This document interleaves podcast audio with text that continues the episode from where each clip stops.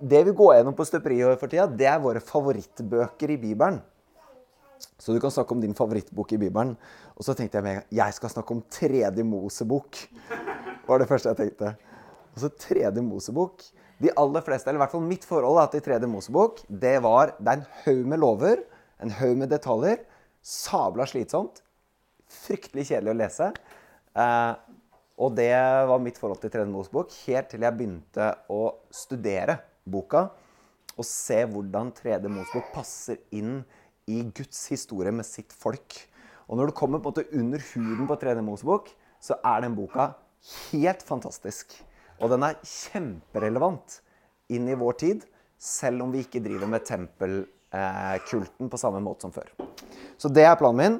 At jeg skal ta oss litt inn i eh, kanskje hensikten med tredje Mosebok, og på hvilken måte det passer for oss i dag. All right? Um, så litt sånn bakgrunn for å henge med på tredje Mosebok. Skapelsesberetningen. Gud skaper en verden som er en hage. Denne hagen er egentlig et tempel. For et tempel er jo et sted hvor himmel og jord møtes. Hvor Gud er nær sitt skaperverk. Og Edens hage er en beskrivelse av verden, av kosmos, som et tempel. Det er Guds visjon opprinnelig. Verden er et tempel, og Gud er fullt og helt til stede i tempelet, altså i verden. Um, mennesket gjør opprør mot Gud gjennom å spise av kunnskapens tre. Og på den måten så tar vi autoriteten fra Gud og sier at vi vil definere godt og ondt. Uh, vi tar Guds plass og gjør oss selv til Gud i våre egne liv. Uh, det er menneskets opprør. Vi stjeler Guds autoritet, autoritet og definisjonsmakt. Det gjør at mennesket blir urent, i den forstand at vi kan ikke være nær Gud. Jeg hørte på en podkast på vei ned hit hvor han beskriver at Tim Mackey da, i The Bible Project beskriver at Guds nærvær, Guds vesen, er som en sol. Hvis du nærmer deg sola, så vil du bli utsletta. Enten du vil eller ei. Men det er ikke bare sånn Hvis jeg nærmer meg sola, så vil jeg dø. Betyr det at sola er ond? Det gjør ikke det. Men det betyr at sola er. Ikke sant? Og slik er det med Guds nærvær. Guds nærvær er helt rent, helt hellig, helt godt. I møte med det nærværet så vil jeg bli utsletta som uren. Derfor så må mennesket ut av denne hagen, ut av tempelet, vekk fra Guds nærvær. Fordi hvis vi blir værende i tempelet, så ville vi blitt utsletta. Det er på en måte de grove trekkene av de tre første kapitlene i Første Mosebok. Vi må ut. Det felles en dom over oss. Vi må ut av Guds nærvær. Um, historien fortsetter gjennom at Gud kaller eh, først en mann som en familie, Abraham, Isak og Jakob, og sier gjennom deg så skal jeg velsigne verden. Du skal bli mange.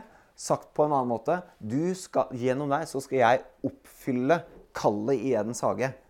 Nemlig å fylle jorden og bli mange og forvalte den. Sant? Um, av ulike grunner så ender da Abraham, Isaks og Jakobs etterkommere i Egypt, hvor de blir gjort til slaver. Sant? De lever under trange kår i 400 år godt og vel. Og så kaller Gud Moses til å lede dette folket ut av Egypt. Eh, og andre, Mos, andre til femte Mosebok er da historien om hvordan Gud tar et folk ut av slaveri for å måtte gjenopprette dette kallet over Adam og Eva i hagen. Nemlig å fylle jorden og velsigne jorden, være kreative, skape, bli mange. Sant? Det er Veldig grovt sagt, da.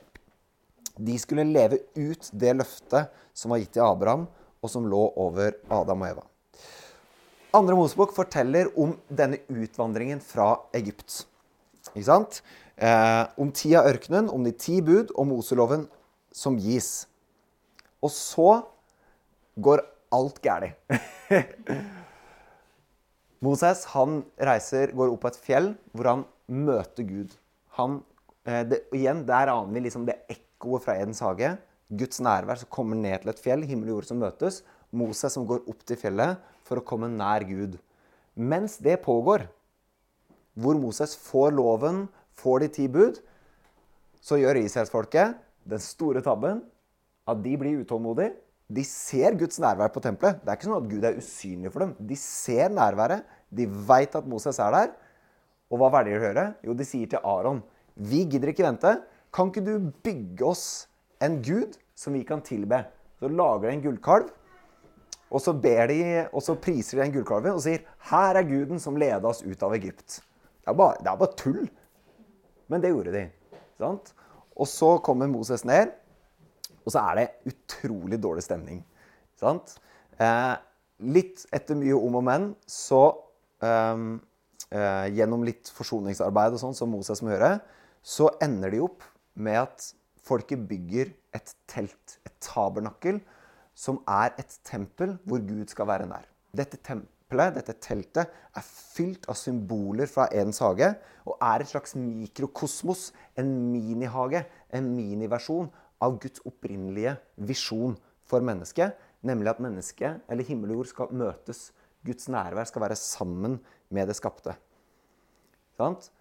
Og jeg holdt på å si, andre Mosebok avslutter på den måten her. Så dekket skyen, altså Guds nærvær, telthelligdommen. Nå er vi i 2. Mosebok, kapittel 40. Så dekket skyen telthelligdommen, og Herrens herlighet, altså Guds nærvær, alt Guds vesen, alt Gud er, fylte boligen. Og så står det noe veldig rart. Moses kunne ikke gå inn i telthelligdommen fordi skyen hadde tatt bolig over den, og Herrens herlighet fylte boligen. Gud sier, 'Jeg vil at dere skal bygge et telt hvor jeg kan være nær, så vi kan ha fellesskap'. De bygger teltet. Gud kommer nær. Så tenker du ja, ja, nå er det bare å kjøre på. Så står det Moses kom ikke inn fordi Gud var der. Veldig merkelig. Hva er greia? Og Du aner et slags lite ekko fra Edens hage her i det at Adam og Eva de måtte ut av Guds nærvær. Og det er det som skjer nå. Fordi israelsfolket hadde drevet med avgudsdyrkelse, så var israelsfolket igjen blitt urene. Og de kunne ikke gå inn i telthelligdommen. Der slutter andre Mosebok. Og så kommer tredje Mosebok. Og så gir tredje Mosebok rett og slett da veiledning og lærdom for hvordan israelsfolket kan nærme seg Guds nærvær. Det er det tredje Mosebok handler om. Nå har Gud kommet nær, men dere kan ikke komme nær Gud. Nå skal vi vise og lære hvordan dere kan komme nær. Det er det, Guds, det, er liksom det tredje Mosebok handler om. Det handler ikke om hvordan dere skal bli perfekte det handler ikke om eh, hvordan dere skal blidgjøre Gud. Hvis du sammenligner det som står i 3. Mosebok med resten av templer og telt rundt Israel, så handla jo alt om dere må ofre slik at dere blidgjør gudene, så de ikke blir sinte på dere. Sammenlignet med Hellas og Persia og sant, alle rikene rundt. Alt handler om å blidgjøre gudene. Og kanskje de vil velsigne dere. Men det som står her, er jo at Gud tok initiativet og sa nå skal jeg komme ned. Nå skal jeg komme nær. Gud var den som starta bevegelsen. Det var Gud som initierte fellesskapet. Og så kommer han nær. Men de kan ikke komme inntil pga. sin urenhet. Og så gir Gud en veiledning for hvordan de skal få komme nær. Ikke for å blidgjøre Gud, men fordi han allerede er tilgjengelig. Men de kan ikke. Så sier han, 'Nå skal jeg vise dere hvordan dere kan komme nær'. Det er det tredje Mosebok handler om. Og når du får det paradigmet, så skjønner dere kanskje hvorfor tredje Mosebok er genial. For den forteller historien om Gud som den første initiativtaker. Gud som den som starter bevegelsen. Gud som inviterer. Og som inviterer, og så gir en løsning for hvordan vi kan komme der. Det er jo nåde. Ikke sant? Det er jo ikke en sint Gud. Det er en Gud som er på initiativet men hvor det er et grunnleggende problem i veien. Og så gir den en løsning for hvordan de kan fikse problemet. Det er det tredje Mosebok handler om. og det han gjør det, er gjennom tre hovedbolker. Og så gjør han en sånn klass... Tredje Mosebok er skrevet et sånn veldig klassiske eh, tekster som du finner i Bibelen. Den er skrevet i tre bolker, i, hvor du starter og avslutter med samme bolk. Og så er det en ny bolk som nummer to, og som nummer eh, fire. Og så en ny, nei, som nummer fem, og så en ny bolk som nummer tre og nummer fire. Så det er seks bolker i eh, Tredje Mosebok, og de er på en måte paralleller, eller speilbilder av hverandre. Og så er det ett sentrum som vi kommer tilbake til. Men disse bolkene handler om da hvordan de skal eh, kunne nærme seg Gud gjennom offer, gjennom rituelle handlinger, slik at de skal kunne komme nær. Og så er det ett poeng til. Det er hvordan de skal formes og dannes som et folk gjennom høytider og rytmer. Ok? Eh, All right. To ting i forhold til disse ofrene. Det er skrevet og forska ekstremt mye på hva disse ofrene betyr. Jeg hørte på en podkast eh, på vei ned hit med noen av de smarteste folka jeg vet om, som diskuterer hva dette betyr. Og de er sånn derre de, de, går så dypt inn i det hebraiske og inn i teologien at det er sånn herre altså, Og jeg, jeg, har studert teologi, da. Jeg har jo en mastergrad i teologi. Jeg måtte, etter episode to så måtte jeg stoppe. For det bare Nei, nå går det ikke mer. Det her er for komplisert. Poenget er at ofrene er ikke offer for å blidgjøre en gud. Ofrene er at de tar noe som er uskyldig og rent, og som blir til liv gjennom død. Det er grunntanken. At de avliver og ofrer noe som er rent og uskyldig, for at de skal kunne komme nær. Det er grunntanken gjennom bl.a. å ofre lam og slike ting. Eh, bare en sånn kjapp Vi har litt sånn dårlige ord for det på norsk. Men eh, de, de, hebraiske ordene for offer Hvis du sammenligner det på engelsk, da, så har du liksom 'sacrifice', og så har du 'offering'. Det ene er å ofre. Det andre er å tilby noe. Ikke sant? Det hebraiske ordet er ikke å ofre 'sacrifice', men å eh, tilby noe. Det det, det det, betyr, er ikke um, Ofrene skal ikke forstås som, eh, som at 'jeg ofrer dette så du blir sint på meg', eller blir glad blir på meg. Det er 'her er det jeg har'. Kan dette bli til liv for meg? Det er en måte å tilby noe på. Det er en måte å gi noe på. Det er en ydmykhet i offerhandlingen. Ikke 'Gud, nå er du sint på meg. Jeg slakter dette dyret, så du ikke skal være sint på meg'. Bare, det, det, hebraiske språket rommer nyanseforskjellen på det. Og det er viktig, for det former gudsbildet vårt. Så det er ikke 'Nå er Gud sint. Jeg må drepe dette dyret, så Gud ikke blir sint på meg', men jeg kan komme nær. Det er 'Gud, du har invitert meg inn'. Jeg gir dette dyret til deg, slik at jeg kan komme nær. Det er på en måte grunntanken i offerhandlingene. Og så skal jeg ikke gå noe dypere inn i det enn det. Det er det ene. Det andre er høytider og rytmer. Og det er én ting som er i sentrum av dette, og det er sabbat. Hvor mange av dere, med hånda på hjertet, tar én hviledag hver uke hvor dere ikke jobber. Sant? Det er noen få. Hvorfor har vi slutta med det? Det er merkelig. Og, og jeg, jeg, jeg peker meg sjøl også i det. altså. Og jeg er småbruksbonde, og det er vårånd i tillegg. Det er, ikke, det er ikke lett å ta seg en fridag i uka da. Men poenget er når du ser, leser 3. Mosebok og kommer inn i hvordan sabbaten var ment å forme et folk og danne et folk, så får du et, en visjon over sabbaten som ikke er lovisk, men som er helt grunnleggende for hvordan vi dannes og formes som folk. Det er grunnleggende for å bli disippelgjort, sagt med våre kristne ord. Fordi det Gud gjorde med israelsfolket, var at han hadde tatt dem ut av Egypt. Sabbaten, høytiden og rytmene er Guds prosjekt for å ta Egypt ut av folket. Fordi de hadde levd under slaveåket i 400 år uten en eneste fridag. Aldri fri, aldri tid til å hvile, aldri tid til å feire, aldri tid til å tilbe. Og så kommer Gud og sier, 'Her er måten jeg skal forme dere som folk.' Jo, hvordan? Gjennom å hvile. Ikke gjennom å jobbe, ikke gjennom å skape. Nei, jeg skal forme dere ved at dere ikke gjør noen ting. Og det er motkulturert i vår tid, det. Som er produksjonsmennesker av en annen verden. Tenk deg, den, tenk deg den nåden det var for det folket. De hadde jobba i 400 år. I fire generasjoner hadde de holdt på. Og så kommer Gud og sier, 'Nå skal jeg forme dere på nytt.' Og dere skal gjøre det gjennom å hvile. Dritkult!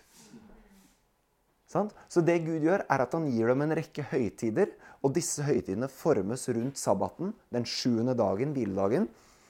Hvor disse høytidene hvor skal feires på en måte hvor de skal minnes det Gud gjorde. Gjennom å tilbe, gjennom å be, gjennom å lese, gjennom å hvile, gjennom å feire, gjennom å spise god mat, gjennom å god drikke, gjennom å være sammen.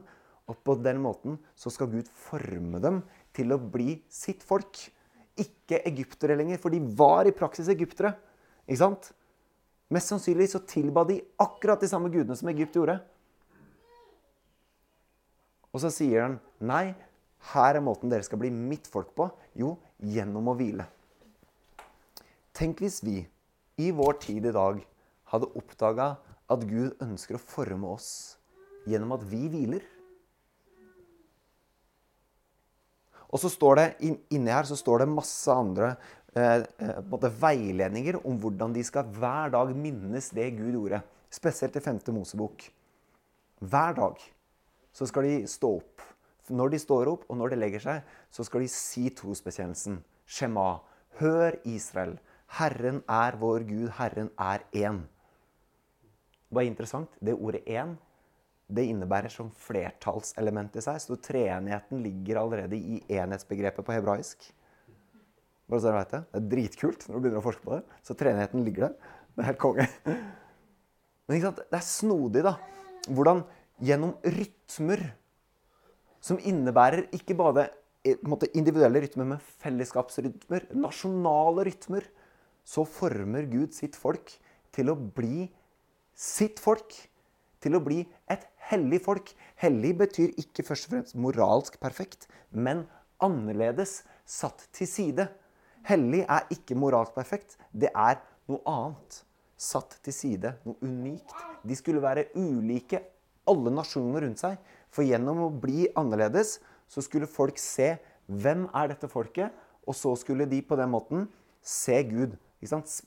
Speilbildet, Guds bilde fra skapelsesberetningen, mennesket i Guds bilde, betyr de Verden skulle se på mennesker, og sånn se Gud. Så gjennom å bli hellig så skulle verden rundt dem se Gud gjennom dem, og så skulle Gud tilbes. Og på den måten skulle Guds historie skrives med hele verden. De måtte være annerledes for at Gud skulle prege og fortelle sin historie til verden. Og så innebar det moral. Det er ikke det. Men hvordan er det de skal være hellige og annerledes? Gjennom rytmer gjennom høytider, gjennom fester. Så hvilke rytmer er det du og jeg har? Hvilke rytmer er det du lever daglig, ukentlig, månedlig, årlig? Er det hytta i påsken og pinsen, eller er det kirka? Hviler du? Hvordan søker du Gud i det daglige? Når du begynner å se hvordan Gud formet et folk gjennom rytmer, så kan vi begynne å speile vårt eget liv i regi av rytmer. Ikke fordi rytmene er liksom eh, Rytmene er jo bare et middel, en metode. Det er jo ikke et mål i seg sjøl. Ikke sant? Men tør jeg å stole på at hvis jeg lever disse rytmene, så former Gud meg slik han forma sitt folk? Tør jeg å stole på at hvis jeg bare lever noe rytmisk, daglig, ukentlig, månedlig, årlig, så former Gud meg og Kirken. Og i vår kirke i dag så er det jo liksom tre store høytider. Det er jul, påske og pinse. Så kirkeåret er jo rytmisk års, et rytmisk årshjul. Og vi har begynt med det i Hamar frikirke nå. Jeg har en haug med folk fra Ungdom i oppdrag. De har jo aldri tenkt på kirkeåret noen gang. Ikke sant? Så det jeg gjør nå, det, er, det vi gjør i Hamar nå, er at vi lærer som kirke hva kirkeåret er. Fordi vi tror at hvis vi får det under huden, så vil kirkeårets rytmer forme oss. Fordi vi lever Guds historie gjennom et år. Gjennom inkarnasjonen i jula, gjennom fastetiden, gjennom lidelse, ondskapens problem, alt det fastetiden har. Gjennom påsken, korset og oppstandelsen, og pinsen, hvor vi blir det nye tempelet, det nye mikrokosmos, fordi Guds nærvær fyller oss. Så hvilke rytmer er det du lever? Og hvilken plass av hvile i det?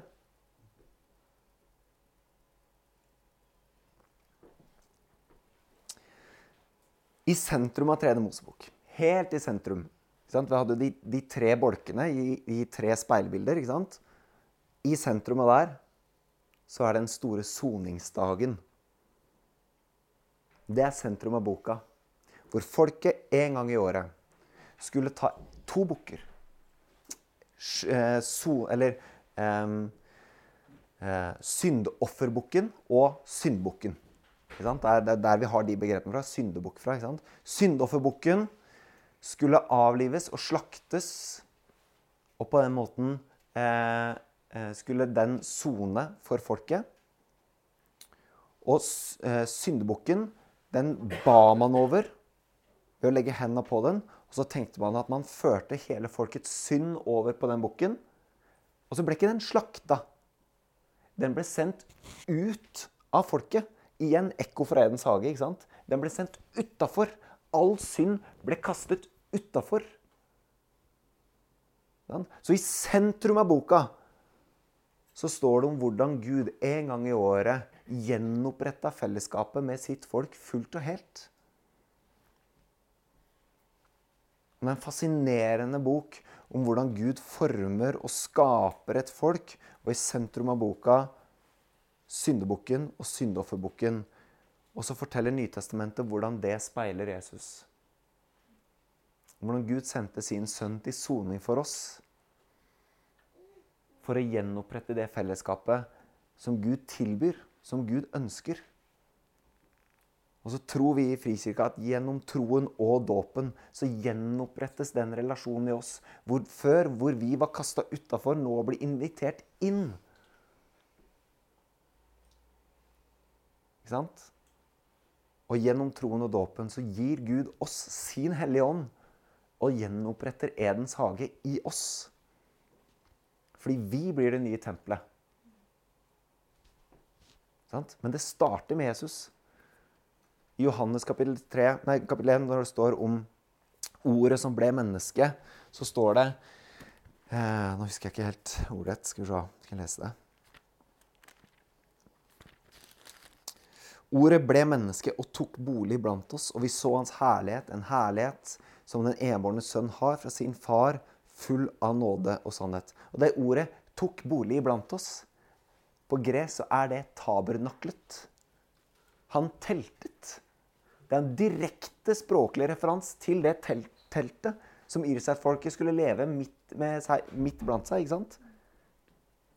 Johannes evangelisten sier direkte at det Israelsfolket erfarte i tredje Mosebok Jesus er den nye realiteten av det. Han er Guds nærvær midt blant sitt skaperverk. Han er Edens hage gjenopprettet. Det er fascinerende hvor godt uh, sammenkobla det er. Og Så dør Jesus, og så står han opp igjen, og så blåser han på sin kirke og sier 'ta imot Den hellige ånd'. Og så fylles vi med det nærværet, hvor vi er Edens hage gjenopprettet. Og så har vi et håp om at en gang det er framme, så skal Gud gjenopprette skaperverket fullt og helt. Vi skal, ikke, vi skal ikke sitte på rosa skyer og spille harpe, vi, vet du. Det er ikke Guds visjon i det hele tatt. Guds visjon er å gjenskape denne verden. Gjøre den på ny. Og slik skal vi erfare Edens hage fullt og helt en gang. Det kan være vi skal spille harpe, de av oss som syns det er gøy. Men Guds hage var jo kreativitet. Det var jo lek, det var fellesskap, det var mat. Det var skaping, det var dyrking. Det er det Gud lover. Bare at det bildet som brukes i Johannes' åpenbaring, er jo en by. Ikke en hage, men det er akkurat det samme. Vi skal ikke sitte på en rosa sky og spille harpe. Vi skal leve det livet vi har nå, bare mer. Bare renere, bare mer perfekt, bare mer ekte. Så alt du og jeg erfarer som er, liksom, Du bare merker at det, her er det noe ekstra. Den solnedgangen, den sjokoladebolla, det vennskapet. Det som du bare merker at dette smaker av noe hellig. Tenk deg det bare mer. Bare renere. Bare bedre. Bare mer ekte. C.S. Lewis, når han skriver i Narnia, så snakker han om at eh, i, i, måte, når hans, han beskriver denne gjenskapelsen, så beskriver han Narnia som klarere, renere. Det er som løvet er mer ekte. Fargen er grønn, eller grønn er grønnere. Lyset er lysere. Maten er bedre. Det er alt vi har erfart, bare mer ekte. Ikke urent, ikke fant. Og tredje Mosebok er på en måte boka som peker både framover, men som viser også bakover på den opprinnelige visjonen. Og så er det masse detaljer, og det er masse greier. Men boka forteller en grunnleggende historie om hvordan Gud skulle vise et folk, hvordan det kom, kunne komme nær, men også vise hvordan han skulle forme et nytt folk. Det er på en måte historien i tredje Mosebok. Skal vi be? Hmm. Gode Gud, takk for at du er initiativtaker. Takk for at du inviterer oss inn. Takk for at du er nådig.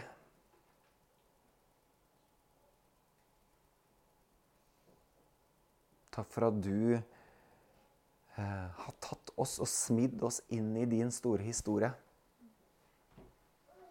Så ber jeg Gud, lær oss hvordan det der kan se ut i dag. Lær oss hvordan vi kan formes som folk i dag. Vis oss hva rytmer betyr. Vis oss hva Jesus betyr, hvem han er, og hva han gjorde.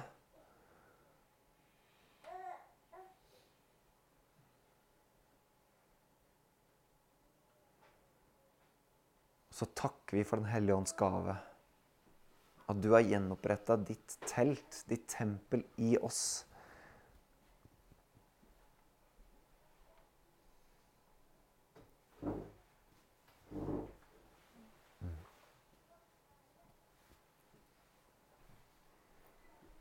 Amen.